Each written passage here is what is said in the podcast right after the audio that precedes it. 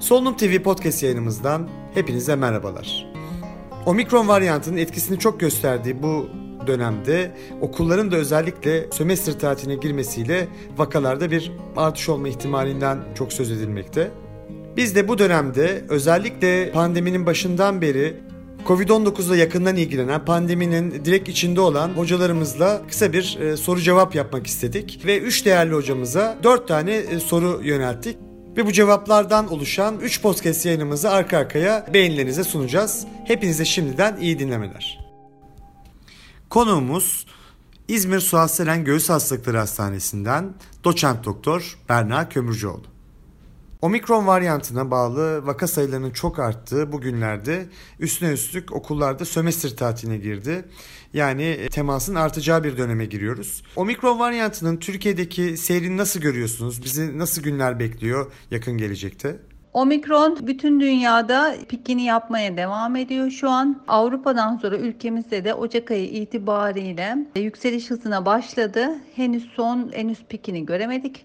Şubat ayı içinde pik yaparak yavaş yavaş düşüşe geçmesini bekliyoruz. Çok hızlı bir şekilde vaka artışı izlediğimiz için çok dikkatli olmamız bu süreçte gerekiyor. Çünkü bulaşıcılık çok daha kolay ve çok daha kolay bir şekilde insanın insana geçebiliyor. Özellikle kapalı ortamlarda. Bu yoğun süreçte vaka sayılarının arttığı bu günlerde aşılama ile ilgili güncel önerileriniz nelerdir acaba? Aşılama şu aşamada korona salgınındaki elimizdeki en önemli koruyucu ve önleyebileceğimiz silah. Maske ve mesafeden sonra tabii ki bunlara halen devam etmemiz gerekiyor. Omikron'un spike proteinindeki değişiklik nedeniyle aşılardan ve antikordan biraz kaçtığını biliyoruz. Bu nedenle mevcut aşılar hala etkili olmakla beraber etkinlikleri biraz daha düştü. Ve üçüncü dozlar bu nedenle omikron salgında bütün dünyada ve ülkemizde açıldı. Mevcut aşılarınızın son dozunuzdan sonra 3, 3 ay geçtiyse mutlaka 3. doz hatırlatıcı aşının olunması gerekiyor. Bunu özellikle vurgulamak istiyorum. Ülkemizde 24 milyon kişi hala daha 3. doz aşısına olmamış ve bir an önce olması gerekiyor. Çünkü omikron salgının Şubat sonuna kadar çok hızlı bir şekilde devam edilmesini bekliyoruz. Sizce pandemi döneminde halkımızın en çok göz ardı ettiği, en çok ihmal ettiği konu nedir? Ve bundan sonra neye daha çok özen göstermeliler? Pandemi sürecinde halkımızın en çok bıraktığı aslında hepimiz için geçerli önlemleri gevşetiyoruz. Hasta sayısının azalması, özellikle yaz aylarında e, havanın ısınmasıyla maske mesafe kavramı tamamen unutuldu. Hala daha da maalesef bu kadar sayının artmasına rağmen aynı rahatlık devam ediyor. Özellikle aşılı olanlar da ben nasıl olsa aşımı oldum korunuyorum mantığıyla normal tamamen normal hayata geri döndüler ama maalesef korona her türlü zafiyeti, her türlü önlemin eksikliğini değerlendirmeye devam ediyor ve bu nedenle vaka sayısında çok hızlı bir şekilde artışla tekrar baş başayız.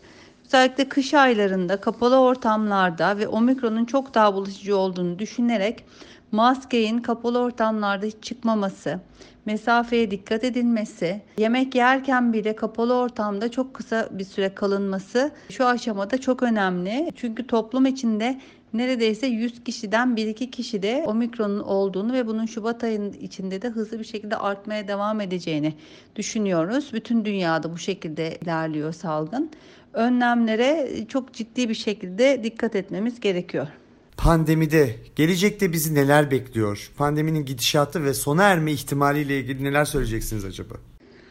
Salgının gidişatı ve sona ermesi tabii ki hepimizin umudu. Salgının giderek e, daha bu omikron ve sonrası gelişecek varyantlarda bulaşıcılığın azalması, daha hafif formlara, hasta etmeyen forma virüsün evrilerek mevsimsel grip benzeri bir hastalık şeklini alması ve salgının sona ermesi şeklinde. Bu aslında omikron varyantıyla bu umudumuz biraz daha arttı. Eğer yeni bir mutant virüs gelişmezse giderek hastalığın bulaşıcılığı artsa bile ağır enfeksiyon yapma potansiyelinin azaldığını gördük.